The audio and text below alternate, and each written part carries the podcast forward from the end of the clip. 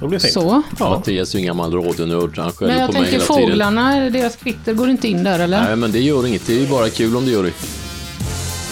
Du lyssnar på Skog och Manges podcast, Människan och bilder. Nu Mange sitter vi på ett helt fantastiskt ställe. Ett av de finaste utrummen jag har varit i. Ja, jag är helt betagen. Nära till naturen och här inne är det varmt och skönt och ljust och så har man fågelkvitter och ser fiskar där. Akvarien Och katter, som springer runt lite Ja, grann. ja, och på uppfarten är det massa fina hönor och tuppar. Och... Vilket ställe du har, Anette. Tack så mycket.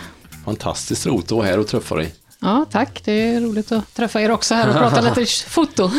Var ska vi börja någonstans? Du har ju tagit så mycket bilder så man kan inte tro det är sant. Mm, Du har alltid gillat foto, men du sa innan att fotot börjar i akvariet egentligen. Ja, eller ja, det, men, ja, men precis. Men akvarier började jag faktiskt före jag började med foto. Mm. Eh, Så att eh, jag har alltid tyckt om det estetiska. Jag har varit väldigt intresserad av djur och natur. Och sen så fanns akvarier och hela mitt hus, eller jag bodde med min mamma och min bror då, var ju fullt av djur. Eh, Vi samlade på djur. Så det fanns ett natur och djurintresse i huset, så att säga, från att jag föddes. Ja, så du är invuxen, invuxen, invuxen i eh, djurvärlden direkt där alltså.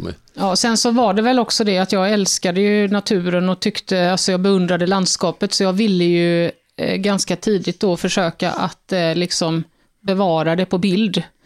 Eh, så att jag började väl eh, kanske ungefär i samma ålder, en 8-10 års ålder med en vanlig sån här Instamatic-kamera jag fick låna då. Eh, så försökte jag ta bilder, men de- det blev ju inte jättebra med en sån kamera, men jag kämpade på. Ja, ja, precis. Underbart. Det här med akvariet, att du, du nämnde det innan när vi stod och tittade på ditt eh, fina akvarium, att det var en känsla av att bygga en värld. För du, du, det var ju ganska avancerat ditt förhållande till akvarium jämfört med vanliga medelsvensson som köper ett par fiskar och har i, i hörnet. Ja, men det är väl lite så som jag alltid har liksom gjort, att när jag blir intresserad av någonting så går jag all in för det. Eh, och jag, i och med att jag var väldigt intresserad av just djur och natur, så eh, gav det mig så mycket mer att börja, när jag började hämta in själv kunskaper om hur, vilka fiskar, vad de skulle ha för vattenvärden och eh, väldigt många parametrar då för att de skulle trivas och må bra. Och då förstod jag det att här gäller det att liksom läsa på och lära sig mycket för att förstå sambanden. Och när, ju, man är ju inte fullärd, det blir man väl aldrig, men ju mer man lär sig, desto mer förs- eh, ser man hur lite man förstod. det är så med allting kanske, men... Mm. Så är det eh, nog kanske med allt. Det är ja. spännande ändå med den tanken med. men det, så det, det fascinerade mig helt enkelt. Och, så jag har ju ja, jag har haft ett kort uppehåll, säger jag då, på en 8-10 år. Men annars har jag haft akvarier i hela mitt liv nästan. Ja, just det. Och så nämnde du också att akvariet var som bilder. Man skapar bilder i. Ja, men precis. Det blir ju, jag bygger ju upp ett landskap i akvariet så att det ska vara estetiskt och snyggt tilltalande, men eh, naturligtvis också även fungera som en, eh, ett eget ekosystem. Men estetiken är minst lika viktig när det gäller akvariet eh, också då, så att man ska tycka det är skönt att titta på det. Och det fick jag lära mig också idag, att detta kan man tävla i. Ja, man kunde i alla fall. Nu är det nog ganska dåligt med tävlingar. Det försvann ju, hela akvariehobbyn fick ju ett jättetapp då i slutet av 90-talet när eh, internet gjorde sitt inträde. Och då var det ju många föreningar som gick i döden tyvärr.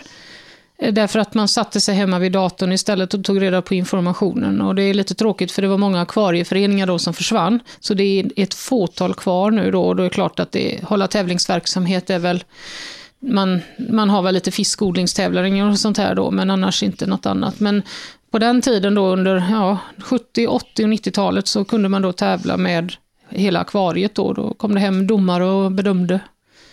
Så det fanns ju både lokala och riks, eller regionaltävlingar och rikstävlingar då. Men någonstans på vägen så blev det ändå foto och fotografering för dig som tog överhand då. Det blev mer att du tyckte det var roligare att ta bilder. Ja, det var väl egentligen, egentligen började ju foto, jag hade ju hela tiden ett fotointresse, men eh, när jag eh, började, gick i högstadiet så blev jag mer och mer intresserad av marinbiologi. Eh, och eh, så blev det så att jag tog dykcertifikat då när jag var 14, för min farbror var dykare uppe i Bohuslän då. Och eh, då blev jag ju såklart jättefascinerad av vad som fanns under En helt havet. ny värld. En helt ny värld, Ja. ja, precis. Eh, så att jag eh, ville, eller hade planer då på att bli utbildad mig till marinbiolog. Men när man började dyka så gick jag med i en dykarklubb som höll på mycket med marinbiologi. För då kände jag att då kan jag få mest ut av den här klubben. Då. Jag var den yngsta i den där föreningen. Jag kan hoppa med där, jag var väl 15 år eller någonting. Och det var dykresor i Norge och lite så här. Men eh, där höll man ju naturligtvis på med undervattensfotografi också. Så det var väl där jag köpte, då köpte jag min första egna kamera. Det var en undervattenskamera då. Så du började fotografera under vattnet egentligen? vattnet egentligen. Ja, om man nu ska räkna bort Instamatic-kameran. Ja, ja, men så, ändå så den var första ju, riktiga kameran var under- den så det första var spännande. Ja, det var det faktiskt. Vad, vad var det för kamera? En Nikomat? Nik- Nikonos 4A hette den. Nikonos. 4A, ja en, en vattentät då helt enkelt med 35 mm objektiv då, så det var ju ingen eh, spegelreflexkamera tyvärr.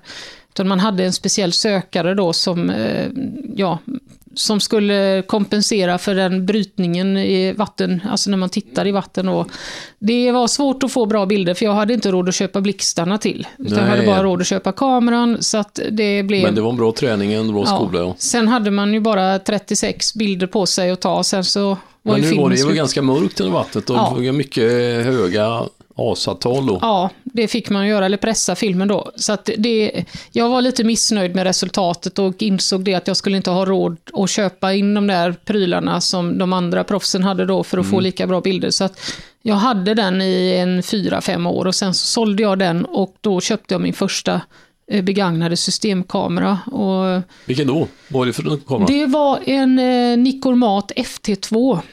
Eh, FI2. FT2 hette FT2. den. Nikormat FT2, en Ja. hel manuell eh, som man Ja, kunde till och med fotografera med utan batteri. Jaha, okej. vad Det var- Spännande. Mekaniskt allt.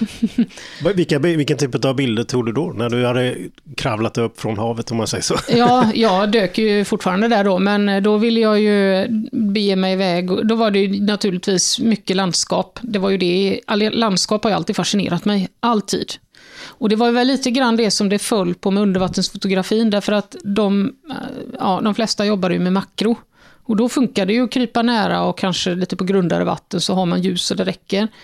Men jag vill ju ta landskapsbilder under vatten. Och det var ju ingen som ens höll på med det där. Nej, nej, nu är det det. väl vanligare, men då var det ingen som höll på. Det, det var liksom sådär att det var ett projekt som det hade nog varit svårt att lyckas även med blixt då kan jag ju säga. Det var för mörkt helt enkelt. Det är för mörkt och för svårt liksom då. Det är skillnad nu, det är ett helt annat Mm. digitala kameror går ju på ett annat sätt. Men eh, det var ju så. Så att eh, jag fortsatte ju med landskap på land då egentligen. Så jag jobbade, det har ju alltid varit landskap.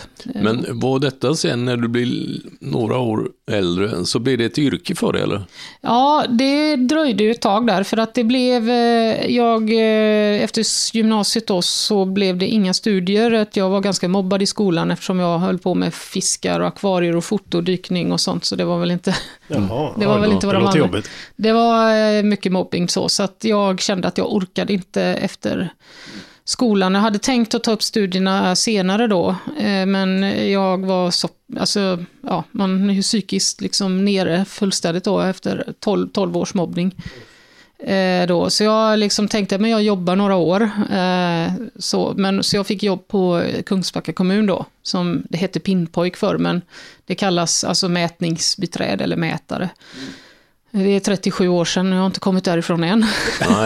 Så jag jobbar där också. Så när jag väl hade kommit, eh, jag fick ju fast jobb där ganska snart och, och så och tjänade lite egna pengar och sådär och då blev det ju möjligt för mig att börja resa och ge mig upp i, oftast mycket i den norra fjällvärlden.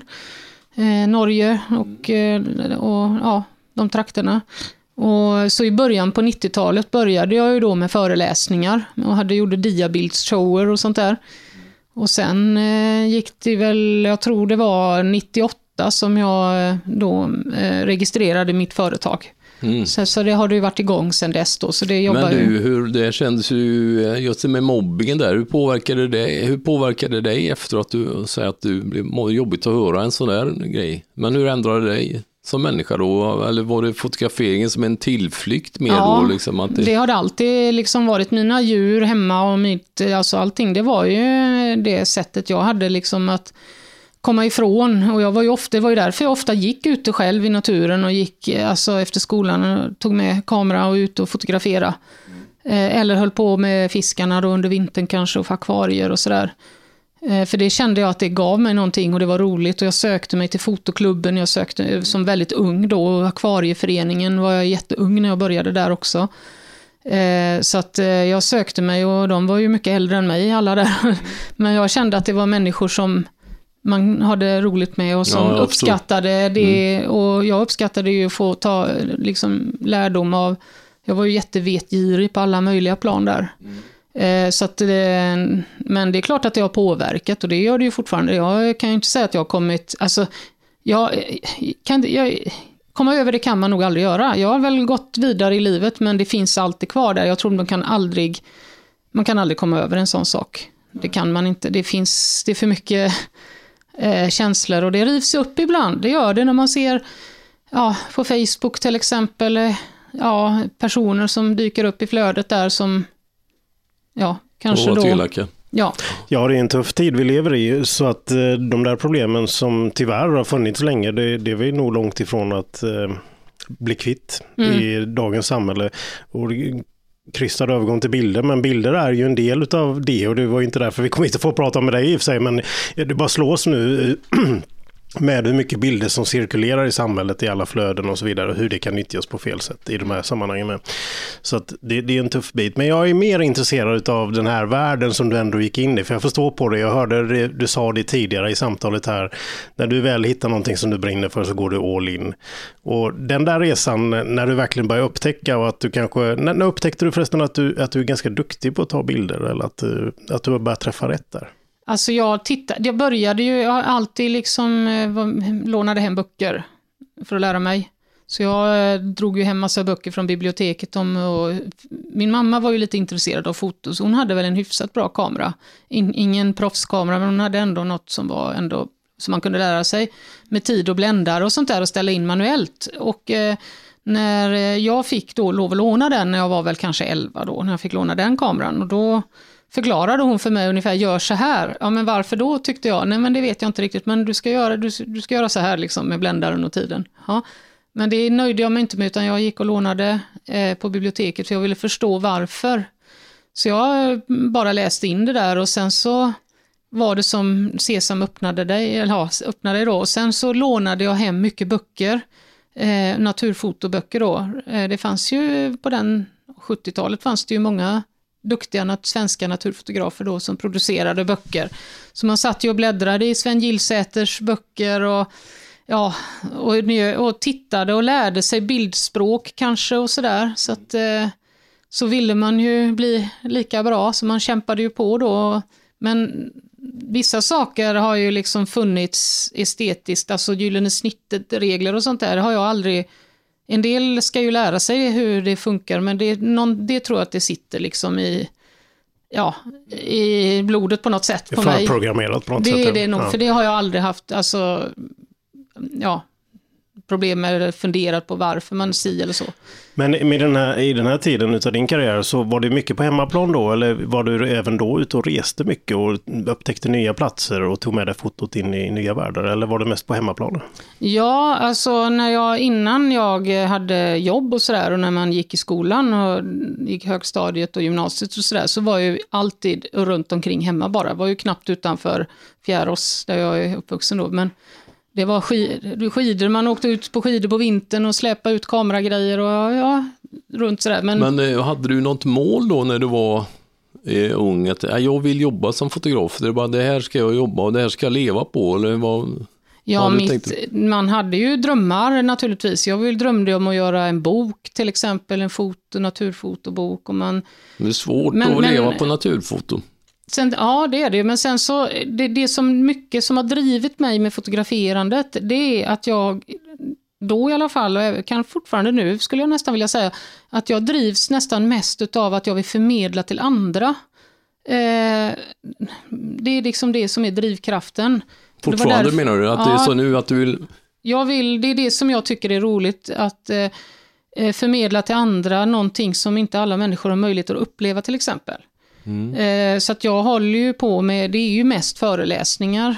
Eh, Och det är ju det som är det roliga, att presentera då någonting som någon annan har svårt eller inte har möjlighet ens att uppleva. Men är du tänker en föreläsningar om naturen eller om, om foto? foto är om natur, att visa Natur och- upp naturen och, och berätta om hur det kan se ut eller vad man kan uppleva. Och sen givetvis, eh, det på senare år så lyf, har jag ju lyft in miljöargument eh, väldigt starkt i mina föreläsningar. Eh, och eh, jag har ju, ser ju också den möjligheten vi fotografer har, som, hur vi kan påverka genom våra bilder. Därför vi kan berätta faktiskt hur det ser ut. Mm. Så, men eh, det är väl egentligen det att man, det började redan tidigt med då att ha bildshower och bildvisningar och turnerade runt liksom i hemmatrakterna. var det diabild? Diabilder då, jajamän. just det, ja. Men det är fascinerande för det, det kan jag tänka mig att alla som gillar foto tar bilder, producerar bilder, kanske inte tidigt i karriären börjar visa upp dem och känner att man vågar det kanske. Nej, Men det, alltså, det var du ganska tidig med då? Ja, och, och ut och berätta och visa upp. Absolut. Hur, hur, hur är det mötet? Vad, vad, vad tycker du är så fascinerande med det? Att möta en publik så att säga med sina bilder när man faktiskt ser och hör reaktionen, vad folk känner när man ser dina bilder. Ja, men det är det jag tycker är så spännande, att man kan ha en kommunikation med publiken. Eh, och då, eh, då har det ju att göra med hur man eh, gör sin presentation, vad man använder för musik, eh, så man skapar liksom känslor. Det är lite hemskt att säga, men det är ju några stycken som har gråtit när de har gått ifrån bildvisningen då. För att, men, och det är ju för att de har tyckt att det har varit fint. Ja, men Inte det för måste ju att- vara det bästa Ja, det är kvittot ett gott då- betyg och Ja. det, ja, kan jag göra någon annan människa glad för att få den upplevelsen så blir det, är det roligt för mig. Det tycker jag är Alltså, det, jättekul. tycker jag, det tycker jag också faktiskt. Jag, jag, när man börjar fotografera så ville man ju visa upp. Det, jag tycker inte jag har svårt att tänka tanken man tar bilder och så lägger de i en låda bara. Men det är många som gör det. Är det det? Ja, det finns många som gör det som, eller bara, eller bara använder dem kanske till eh, att sälja då, eller någonting sånt där. Men, Ja. ehm, Man det, bara tar bilder och låter dem ligga i en låda eller, eller vad man nu har dem. ja, Det eller på lite, datorn. ja, men det är lite, det tycker jag ska vara tråkigt. Om man Ja. är jätteintresserad av att ta Ja, bilder. men det är nog väldigt olika det där. Ja. Eh, Nu kommer jag inte på, jag är så dålig på att komma ihåg namn. Det finns en fantastisk dokumentärfilm om en kvinnlig fotograf, jag tror detta är i USA vi pratar om, som var en street photographer, alltså var ute och fotograferade människor i ja, vardagsmiljö, i gatumiljö och sådär. Detta är på någon gång 50-60-talet kanske. Och var, vigde hela sitt liv åt att göra det här. Men ingen fick se det. Hon visade aldrig upp det i något sammanhang. Och så Nej. var det någon som ärvde det eller tog över hennes lägenhet eller vad det var. Och det är ju... Bildskatt då. Oj, oj, oj, herre. Jag måste ta reda på namnet, jag kommer inte på det nu. Nej. Men eh, absolut, det finns. Ja, jo, det är inte helt ovanligt så. Nej, nej, det är ju fascinerande men hur det kan vara så. Vilka miljöer, vilken sorts naturfotografering är, tycker du är allra roligast att, att, att, att ägna dig åt? Ja, det är ju- på senare år så måste jag ju säga att det ändå är undervattensfotografering. Du kom tillbaka till undervattensfotograferingen på vägen här ja. Ja, jag gjorde det och eh, det berodde ju då eh, mycket på eh, att tekniken har förändrats och förbättrats och det är digitalt och det är helt andra möjligheter som öppnar sig nu som undervattensfotograf då. Eh, så att eh, det, och sen är det också så här att eh, när jag började då på 90-talet så var det mycket, till att börja med, jag har gjort ett 40-tal resor till de svenska och norska fjällen, både höst, vinter och sommar och ibland två, tre veckor ute på vintern och tältat då uppe i Sarek till exempel. Eh, för Det var ju som jag sa, jag gick ju alltid gått all in för grejer och då ville jag ju verkligen visa upp eh, alltså bilder ifrån den här miljön. Eh, och bara åka till en turiststuga och stå och titta, det blir inte samma sak, utan då måste man in i fjällvärlden för att uppleva och få de här bilderna. Så att det var ju mycket fotoutrustning man släpar på i pulka då, tillsammans med kompisar såklart, inte ensam där uppe på vintern då. Ja, just det. Är det, är det både landskap och djur då? I, Nej, det är bara landskap är jag landskap jobbar med. då. Ja, Mm. uteslutande landskap och ljuset då helt enkelt.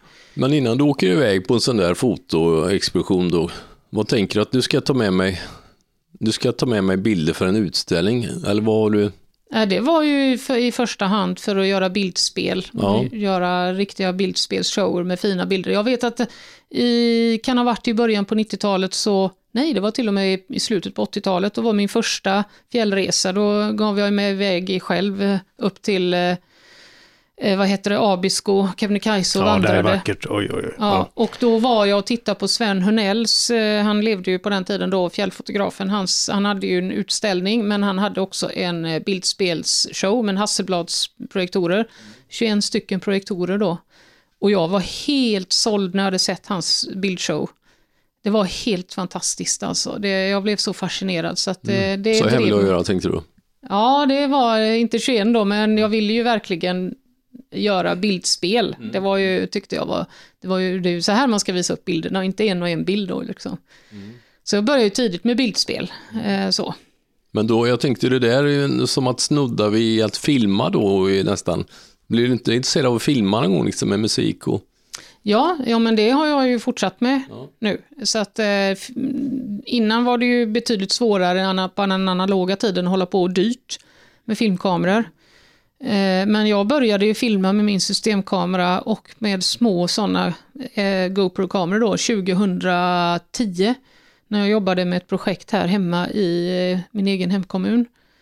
Då började jag och sen har jag ju fortsatt. Så att, jag blev faktiskt precis bara för en vecka sedan invald i föreningen Naturfilmarna också. Så att, Ja, eh, Åh, gratulerar. Ja, gött. tack. Underbart. Vad trevligt. Så att, men, eh, det, det är ett komplement till eh, mina föreläsningar och kunna visa upp film också. Det är fantastiskt. Här. Nu- Det är väldigt många, ehm, många saker du kan. Du, eh, under vattnet är fascinerande för mig. Jag har aldrig dykt eller ens Nej, försökt jag att ta någon bild under jag har vatten. aldrig vågat. eh, Det är lite läskigt. Det är jättefascinerande. Eh, Och eh, film, stillbilder, äventyrsresor som jag hör dig berätta när man är iväg på fjället och bor där i Men det här skulle du vilja göra, Skog. Ja, Det här jag, är något jag för dig blev egentligen. jättefascinerad. Du får hänga med henne ut på och. Precis. Vad är det häftigaste äventyret du har gjort hittills? Eh, det måste nästan vara en dykexpedition som jag gjorde tillsammans med min eh, bäste vän Patrik Leonardsson på Island. Det var fantastiskt, för det var, vi var ju och dök på platser som jag hade lagt ner ganska mycket jobb på innan att hitta. Eh, där det inte var i stort sett en människa. Det, det var fascinerande, det var jättehäftigt. Vad fick man se där? Ja, det var ju ett eh, undervatten. Vi var ju och dök i sådana här sprickor, eh, förkastningssprickor då. Bland annat på norra Island, som jag hade hittat genom att typ leta på Google Earth. Tills jag hittade stället och jag hade bara koordinater dit ungefär.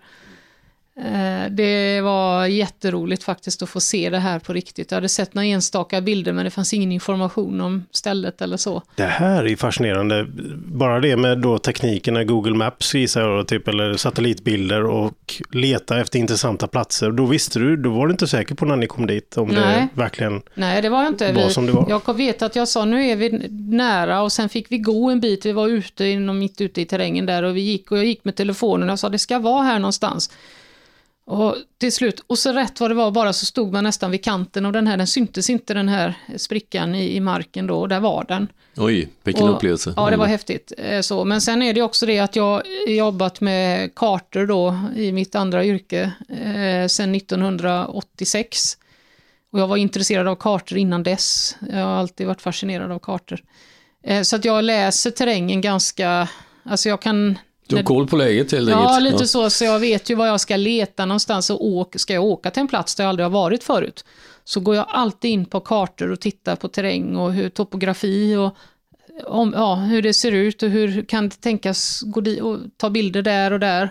Jag får leta upp det på det sättet liksom. Just det. För jag, jag kan tänka annars, särskilt en sån plats som Island som är ju väl fotograferat kan man väl säga.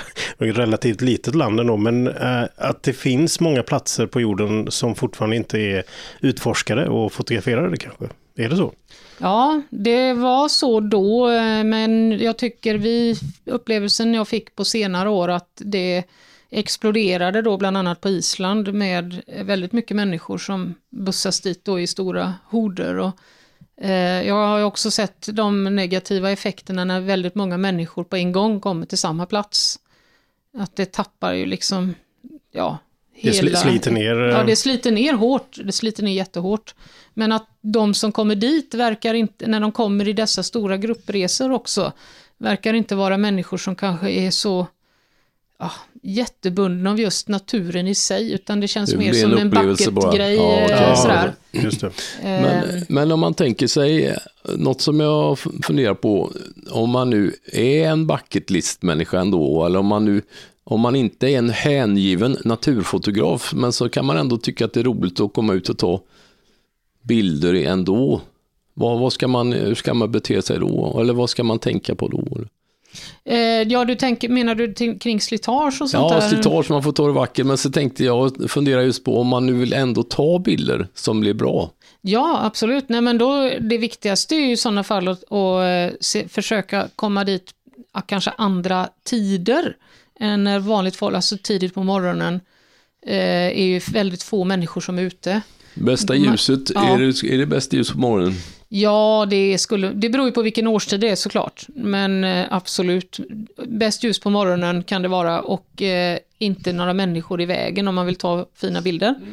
Så det är faktiskt ett tips att... eh, Brukar du, brukar du vara uppe tidigt på morgonen och ta bilderna då? Ja, när det är, när det är sol- liksom innan dags solen. för eh, att det är någonting jag är ute efter och ska ut och ta, då är jag definitivt uppe tidigt. Det, det är jag. Om du kom till exempel till den här sprickan på Island då, var ni där flera dagar på raken och tog bilder eller hur? Ni var där, Ja. hur, mycket tid spenderade du på? Eh, vi var väl där i ett par, tre dagar tror jag. Nu hade vi hyrt en sån här camper så vi bodde i den. Så att vi kunde ju, vi hade, vi, vi hade ju inte mer än 50 meter till själva den sprickan. Så att vi hade ju, och då kunde vi lägga upp planen på hur vi skulle ta bilderna, hur vi skulle ta filmscener, drönarscener. Eh, och, eh, för det var ju, vi, dels var det ju ingen annan där. Så vi var ju där i tre dagar utan vi såg en enda människa. Bara det var ju rätt så skönt. Och Samtidigt var det också så att vi fick ju ha ett annat säkerhetstänk.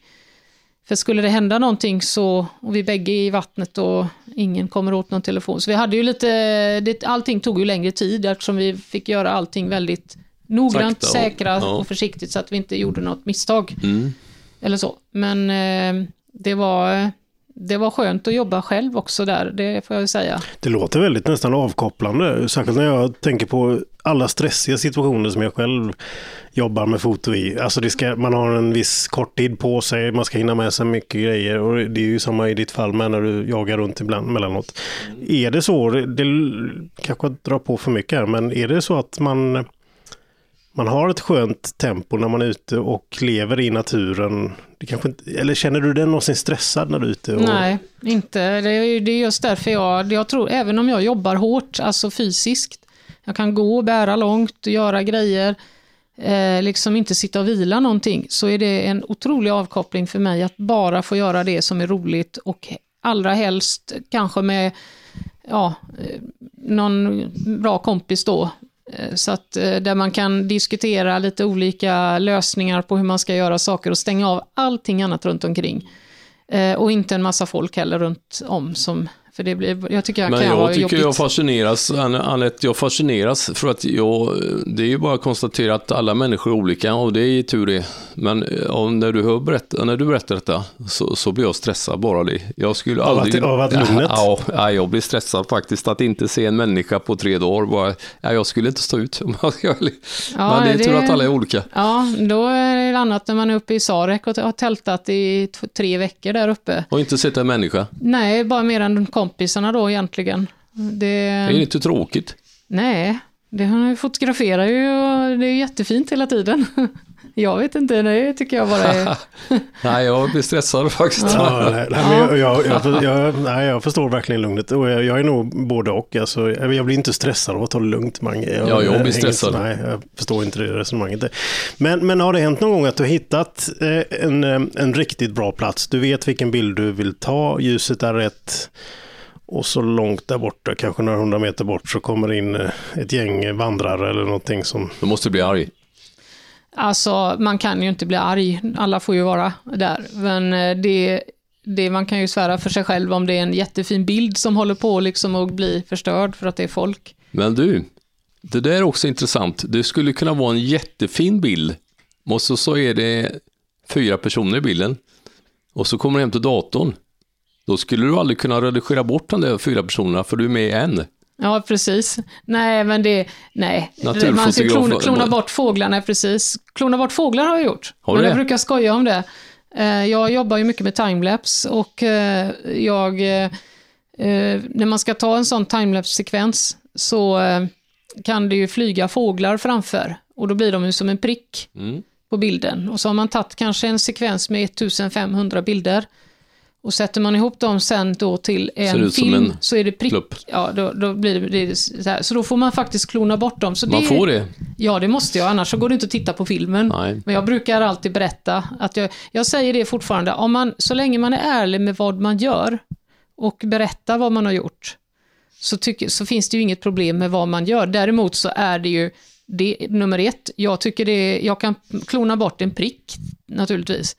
Men jag är usel på databehandling när det gäller att gå in i Photoshop och göra här grejer kan jag säga, jag erkänner direkt, det är inte min grej alls. Nej. Det finns ju de som är jätteskickliga på det. Ja. Eh, men sen så ser man å andra sidan också ganska tydligt med de som inte kan, för att då, det lämnar ju spår liksom i bilden. Man har ju sett folk Ja, som har klonat bort grejer. Nej, jag tycker det är en trist faktiskt att göra så, för att Mm. Men då, om det kommer fyra personer som pajar bilden, då skulle du stanna kvar ett dygn till och ta ja, bilden? absolut. Eller absolut. tre dygn till, ja. Ja, ja. eller också får man tänka om och ta en bild där det är mer folk istället. Det har jag ju gjort många gånger. Mm, mm. I många gånger så är människor i landskapet, eh, ger ju en rymd åt bilden och då ser man ju liksom storleken i landskapet. Så att ett, väldigt, väldigt många bilder har jag människor på bilden. Mm. Ja, det, det kan kan vara mina vänner sig. eller någon som står i, någonstans i landskapet. Så att är man iväg på sådana här resor så har vi alltid komradio med oss.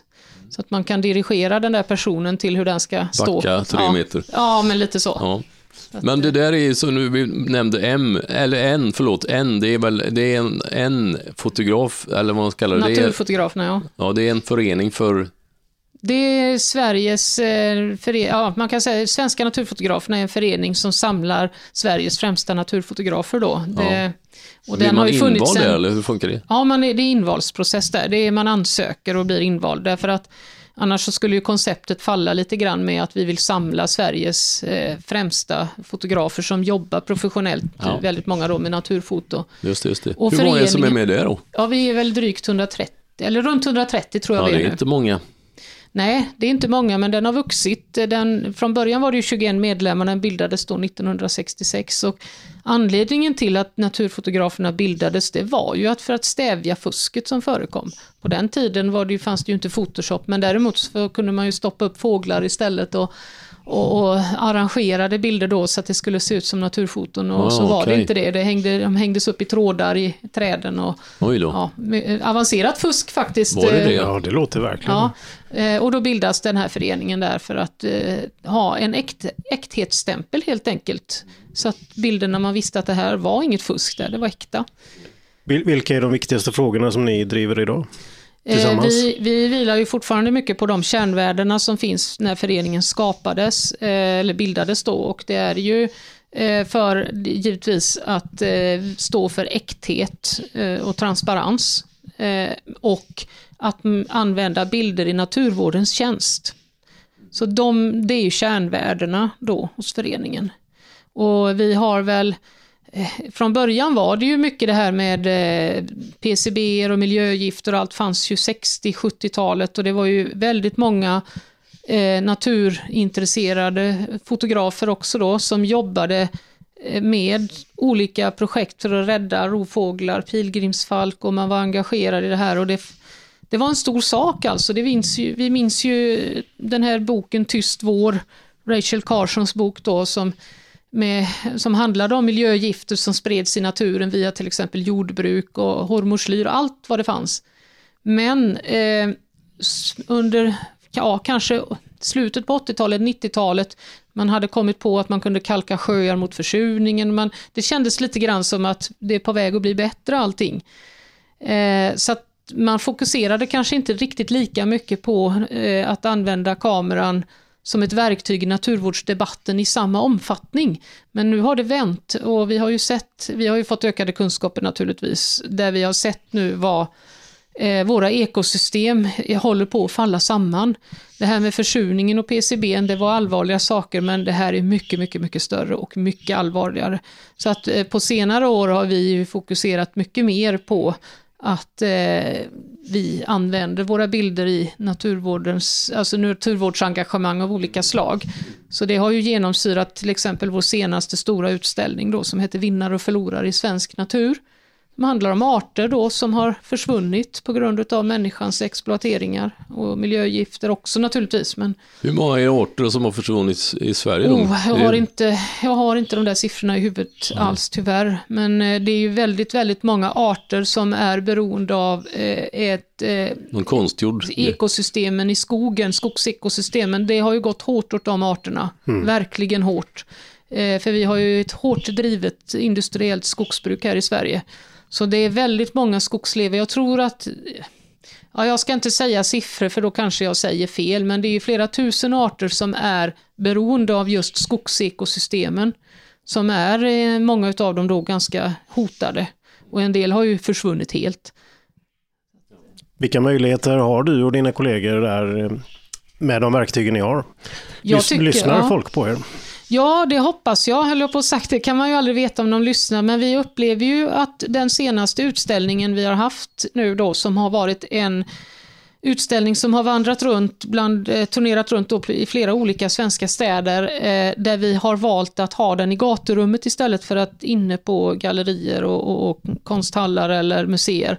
Och där upplever vi att den har fått väldigt stor genomslagskraft faktiskt. Det är många som har uppmärksammat och många som stannar till och liksom det kanske kan räcka som en första liksom kick för många, att man stannar till bara. Och vad är det här för någonting? Och så läser man lite och sen går man vidare och sen hör man och ser det nästa gång. Och nästa igen och nästa igen och till slut så kanske man börjar att förstå.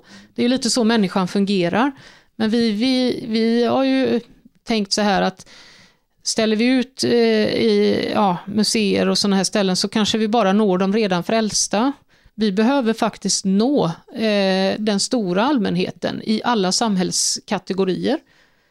Eh, och alla åldrar då såklart. Så att, eh, det upplever jag att det har varit väldigt mycket publicitet. Men då kan man ju säga att kameran är lite som ett vapen för dig ändå, att du vill eh, Ja, vi skulle säga, jag säger så här att kameran är ett bra verktyg i naturvårdsdebatten. Vapen låter alltid ja, låter negativt ja. klang till det, så att eh, vi vill se det som ett verktyg istället. Ja. Eh, och det är ju där, det är inom bilden, eh, jag tror att det, det, är ju så här att en bild säger ju alltid mycket mer än en textmassa. Det vet vi ju.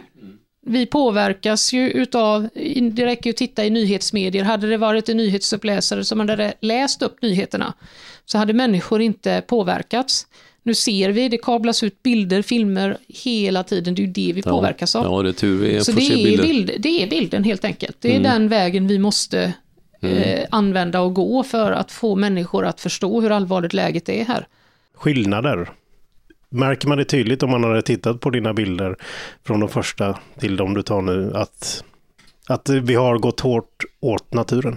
Eh, ja, alltså märker tydligt. Jag kan ju säga så här att som naturfotografer eh, arbetade och har arbetat historiskt sett så har man ju eh, tagit sig till de fina ställena, letat där, jagat ljuset och de bästa bilderna och det är arter och det är allting. Det är så vi har gjort historiskt. Och så har vi visat upp våra bilder vi har sålt dem, kanske inte jag som har sålt så mycket bilder, men det var ju, ja, vi säger 70, 80, 90-talet. Det hängde ju fina väggkalendrar i var mans hem med fantastiska naturbilder, det vet vi ju alla. Eh, och då fanns det ju faktiskt ganska gott om natur att gå ut och fotografera idag. Idag finns det inte mycket kvar. Framförallt när det gäller eh, skogen. Det är otroliga stora arealer som har försvunnit som avverkats då och eh, förvandlats till granplantager till exempel. Så att vi har ju lite grann bundit ris åt vår egen rygg när vi har gett en bild till svenska folket av hur fantastiskt vackert Sverige är. Därför vi har visat upp bara det finaste och det vackraste. Och det vet vi ju alla, alla naturfotografer, liksom, man fotograferar inte det fula. Där tycker jag att vi, vi, kan ha en liten skuld i det hela att vi har inte visat upp den här bilden, för att nu kan det komma som en chock för många svenskar när vi plötsligt börjar visa upp bilder på skövlad natur. Eh, och det kan, kommer att ta tid det här innan människor förstår verkligen, men vi, vi, måste också erkänna att vi har själva varit en del i av att ge den här bilden. Så att eh, Jag Mm. kan ju se de Intressant. förändringarna över tid som jag har sett. De fotograferade jag ju inte till att börja med. För det var ju det fula. Jag tog inga bilder på det. Mm. Därför har jag ju det, jag har det ju naturligtvis framförallt under vattenytan, där har jag ju sett en enorm skillnad. Enorm förändring på, i Västerhavet här. Det var nästan som ett akvarie förr när man simmade ner under ytan i Bohuslän. Idag är det mesta, när jag kommer närmare in mot land, det, det ser förfärligt ut. Så att nu får jag leta, verkligen leta efter de fina ställena för att hitta de motiv. Så jag, jag tar väldigt mycket, nu tar jag på ett annat sätt, jag tänker på ett annat sätt. Du vill visa upp det fula istället nu då? Ja, både och. Ja, ja. Både och då. Ja, det är klart. eh, så att det, det, det är lite så här att det är nog inte så jättemånga som har så mycket bilder över den här förändringen, utan det är mer att man har det på näthinnan och man vet, men det vet vi ju alla att det har hänt. Det räcker ju att gå in i kartor och titta förändringen, eh, vad vi har gjort med våra landarealer till exempel. Ja. Ja, nej, men det, det tror jag förhoppningsvis att väldigt många människor känner till, alltså de utmaningarna vi lever med nu framöver. Där. Och eh, personligen så känner man ju ofta att man man försöker hitta hopp och ljusningar i världen för att annars så fungerar man inte. Man måste hitta drivkraften för att kunna hjälpa till eh, mot de målen man väl har. Hur känner du kring det där? Känner du uppgivenhet ibland kring hur saker och ting utvecklar sig eller är du en person som känner hopp och ser möjligheter i det här? Ja, men visst, det här pratar vi om liksom nästan var och varannan dag med mina kollegor inom naturfotogenren så att säga och inom miljö och ja, jag har ju många vänner som kanske inte är fotografer men som på något sätt är engagerade i natur. Eh, visst är det så att man ibland, alltså det här kommer att gå åt helsike vad vi än gör här, alltså det är fruktansvärt. Det som är hemskt tycker jag nu, det är att på så, den allra senaste tiden här, att vi går ju bakåt med eh, det här med att skydda natur och göra någonting för miljön. Vi går ju åt fel håll. Det är ju ännu mer skrämmande idag. För, för 20 år sedan kanske vi inte visste. Men nu vet vi ju, det- hur är det ens möjligt? Ja, det det kan inte kännas som en fruktansvärd frustration. Ja. Men samtidigt så känner man kanske då sig mer taggad till att verkligen göra någonting och försöka. Och då är det, då är det genom bilden och då känner man sig driven också att, att eh, verkligen göra någonting. Vi, vi har väl eventuellt en ny utställningsprojekt på gång i föreningen där vi vill visa upp då eh, landskapstyper som har förändrats. Så att eh, det... Och det tror jag också är viktigt, som, precis som du nämnde där, att man inte bara visar upp det som är hemskt och dåligt och förstört, för då tappar människor hoppet. Då ger de upp också. Vi måste visa att det går att vända och vi måste visa upp det, de goda exemplen. Det är jätteviktigt att göra det och inte bara visa det dåliga. Ställ en fråga till Skog och Mange. Hör av dig på Instagram. Ingen TV utan Mange eller The Real Skog. Kan du inte ge några fototips ändå? För nu är det lite vårtider. Om Ja. man ska gå ut, kan du säga hur ska, hur ska man, om man tänker att nej, jag ska gå ut en promenad nu, då ska jag ta bild på ett landskap. Ja, jag brukar ju, jag har ju en del fotoworkshops också Ja. och jag brukar oftast tipsa det här om att eh, fotografera din närnatur, lär känna din närnatur. Gå till samma platser, besök de här platserna olika tider på dygnet, olika årstider och se hur förändringen, se hur ljuset ändrar sig, se hur naturen förändrar sig. Titta i det lilla landskapet. Vi måste ju alla tänka idag på eh, hur vi reser såklart. Och jag vill ju slå ett slag för att man försöker upptäcka sin närnatur mer. Och titta vad som finns runt hörnet och det behöver kanske inte ens vara längre bort än, närmaste park eller trädgården eller skogsbrynet eller vad det kan vara. Och när man lär sig eh, ett område, då lär man sig också vilka platser man ska besöka i det här området när ljuset väl är det rätta. Då behöver man inte springa runt och vela. Jag har ju en lång lista med motiv till exempel i mitt närområde här som jag väntar på ett visst väderfenomen, ett visst ljus, en viss årstid. Det kan vara en blomma som blommar en viss tid och då väntar jag på det speciella ljuset. Så jag har de där bilderna i huvudet som inte jag har tagit än, som jag inväntar. Det där är ju fint att ha lite bilder inplanerade faktiskt. Det var, det var ett, egentligen ett bra tips tycker Absolut. jag. Att man Ja, tänker ja, att det här kommer bli en bra bild. Jag väntar in tre veckor till så blir det eller jag väntar till hösten, så, det är ju rätt fint att ha lite bilder på gång faktiskt. Ja, en någon to-do-lista med Mm. bilder helt enkelt. Mm. Eh, och då, får man, då har man ju också ett mål. Eh, jag har ju nästan alltid, de eh, flesta av mina bilder är planerade bilder. Där har jag tänkt igenom länge hur jag vill, vad det är för typ av bild jag vill ha, som jag har planerat liksom. Eh, och då blir oftast bilderna, de, de blir, när man har planerat en bild så brukar de faktiskt bli bättre. Det, då ligger lite tanke bakom, då har man tänkt igenom innan, för annars så gör man det där misstaget, man springer ut och tar bara bilder och sen så upptäcker man efteråt, men det där var ju inte någon jättebra vinkel, jag skulle ju tänkt mig lite mer så eller så, eller ah, det var lite för tidigt på säsongen, eller vad det nu kan vara. Just det, det är ett jättebra tips för det händer mig relativt ofta att när ljuset blir riktigt bra, om man tittar ut genom fönstret och nu är jag sugen på att ut och filma någonting som jag gör oftast mest, eller fotografera. Men så har jag ingen aning om vart jag ska och, man, ja, och är det på kvällen så försvinner ju så solen så småningom och så har jag satt mig i bilen några gånger och kört runt och kört runt. Och nej, det blev, Utan mål. Och så Och bara- blev det ingenting. Nej, just för att, att skriva ner en lista, en önskelista. Ja, det är en bra idé. Det är en jättebra Nej, tips. det är, det, är, det är jättemånga som fladdrar runt helt random utan att få Ja, det är någon bild. Det, det, Ja, det- Och så blir man alldeles så här, "Åh, där, nej, där, nej, Ja. nej, så. Nej, men det, är- det är bättre att ha ett ställe att åka till när man vet att det där ljuset är bra på det, den platsen då. Och då är det också bra att, att, att följa, alltså vädret är ju väldigt viktigt, att man följer väderprognoserna. Så är jag ute, när- börjar det bli liksom vinter, så håller jag lite mer koll på när det börjar närma sig nollan och jag ser att ett högtryck är på gång. Då börjar jag kolla upp närmare. Och Då är det dags att ladda batterierna här. Ja. då vä- väntar jag till exempel rimfrost eller nysnö eller vad tusan det kan vara. Ja, som jag har Hur då viktigt ställen. är det med utrustning och teknik då? Är du, gillar du det eller har du, vad har du för kameror? Är det viktigt med teknik och kameror? Ja, alltså det är ju naturligtvis viktigt med en kamera som har en, en, med en, alltså att det är tillräckligt god kvalitet på sensor, att man har hög kvalitet på glasoptik och sådana saker så att man inte eh, en bild fallerar på eh, Ja, nu pratar jag inte om inställningen utan den tekniska eh, bild, alltså kvaliteten därav. Det tycker jag är viktigt, men det behöver ju inte vara kvalitet när det gäller, alltså man behöver inte ha det senaste kamerahuset eh, med den senaste tekniken.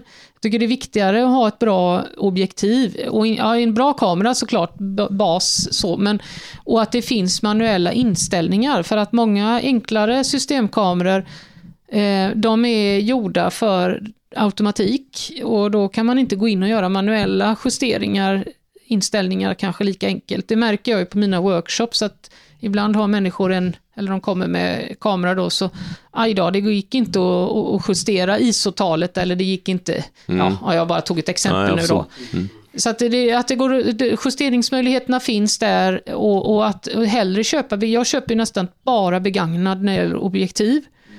Eh, jag har nästan aldrig köpt nytt så. Eh, utan jag har köpt begagnade och de håller ju över tid väldigt, väldigt länge.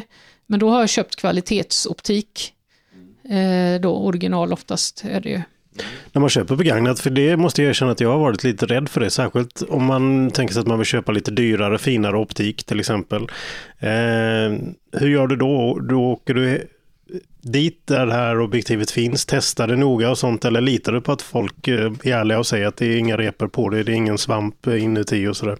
Jag har köpt, en del har jag köpt faktiskt utan, alltså helt obesett, men då har jag köpt utav någon annan fotograf. Sen har jag kollat upp att personen i fråga är etablerad och ja, man kollar ju alltid lite bakgrundsinformation och sådär. Jag har aldrig blivit lurad. Sen har jag ju köpt utav vänner också inom fotodelen, alltså fotografer jag känner. Så, men sen kan man ju köpa eh, typ Scandinavian Foto, ja, sådana ställen. Det är ju garanti på grejerna där, eller Hegertorns eller ja. Så det, det. finns ju ganska många, men det är klart jag skulle kanske inte gå och handla en, en grej på det. Blocket eh, med någon och bara få det hemskickat, eh, få en sten i paketet sen. Eh, risken då liksom, så att eh, lite får man ju kolla. Men fotosidan där, där har, man, där har jag känt så att det var lite tryggare att handla av andra fotografer. Eh, så kollar man upp vad de har publicerat och li, lite sådär checkar om det här är en person som... Och har de misskött sig så lär de ju bli utsparkade därifrån. Så att, Fantastiskt. Då har vi fått flera olika tips här. Har du något annat sådär som du ser, om det är någon som lyssnar på detta som kanske inte är fotograf ännu, kanske inte har börjat, men eh, med tanke på att du ibland har anordnar utflykter där du eh, ja, instruerar, visar, berättar för amatörfotografer och andra fotografer. Är det något, sådär, något som du ser att många nybörjare ofta gör fel i eller vad man kan snabbt och enkelt förbättra om man är entusiast och precis har börjat? Ja, många gör ju felet att man tar för många bilder och sen får man jättesvårt att välja ut någon som är bra. Det blir Om det där tycker jag är intressant, för det har vi pratat om, jag och Mattias innan, och jag tycker precis tvärtom. Jag tycker att folk ska ta mer bilder. Det, det, är nog också kanske beroende på vad det är för motivområde man jobbar ja. med. Jag jobbar ju som sagt bara med landskap egentligen och lär ju ut mest om det. Det är klart andra typer av bilder då, men det är ju ändå ganska... Jag är ju den, jag gillar inte att sitta vid datorn så mycket, för jag gör det ändå rätt mycket i mitt andra yrke. Eh, och sitter och ritar upp eh, kartor, ledningskartor och sånt där. Så att, jag, jag känner sådär, så lite tid som möjligt vid datorn eh, och planera istället noggrant varje bild. Sen brukar jag tipsa om att använda stativ, för att använder man stativ så blir man lite mer Ja, man planerar bilden lite mer och tänker till lite grann mer, för det är lite bökigare att flytta runt stativet mm. än att mm. bara trycka av. Ja. Eh, så det är mitt tips i alla fall. Sen är, ja, det är som sagt tips, olika eh, så. Men sen är det också det där, de flesta nybörjare som gör fel, att man, man, har, man tar med för mycket på varje bild. Så man tänker att man ser allting vackert och så tar man med så mycket som möjligt på bilden och så blir det bara rörigt. Att försöka och liksom koncentrera sig istället på några detaljer i landskapet och eh, kroppa det lite grann eller att liksom strama åt det lite grann och och tänka så här, jag kanske behöver ta tre bilder för att beskriva den här platsen istället för att bara ta en bild.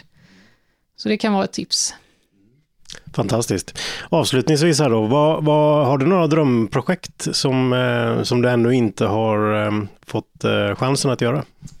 Drömprojekt? Eh, ja, nu är det ju så här, det här med resandet är ju inte bra, så att det är ju lite svårt. Det är klart att det hade ju varit en dröm. Jag hade ju en dröm som jag kanske aldrig kommer att få kommer aldrig gå i uppfyllelse, men jag skulle vilja åka runt med eh, min husbil och ha med kajaken på taket och dykutrustningen i bilen och åka runt i ett halvår bland alla USAs nationalparker.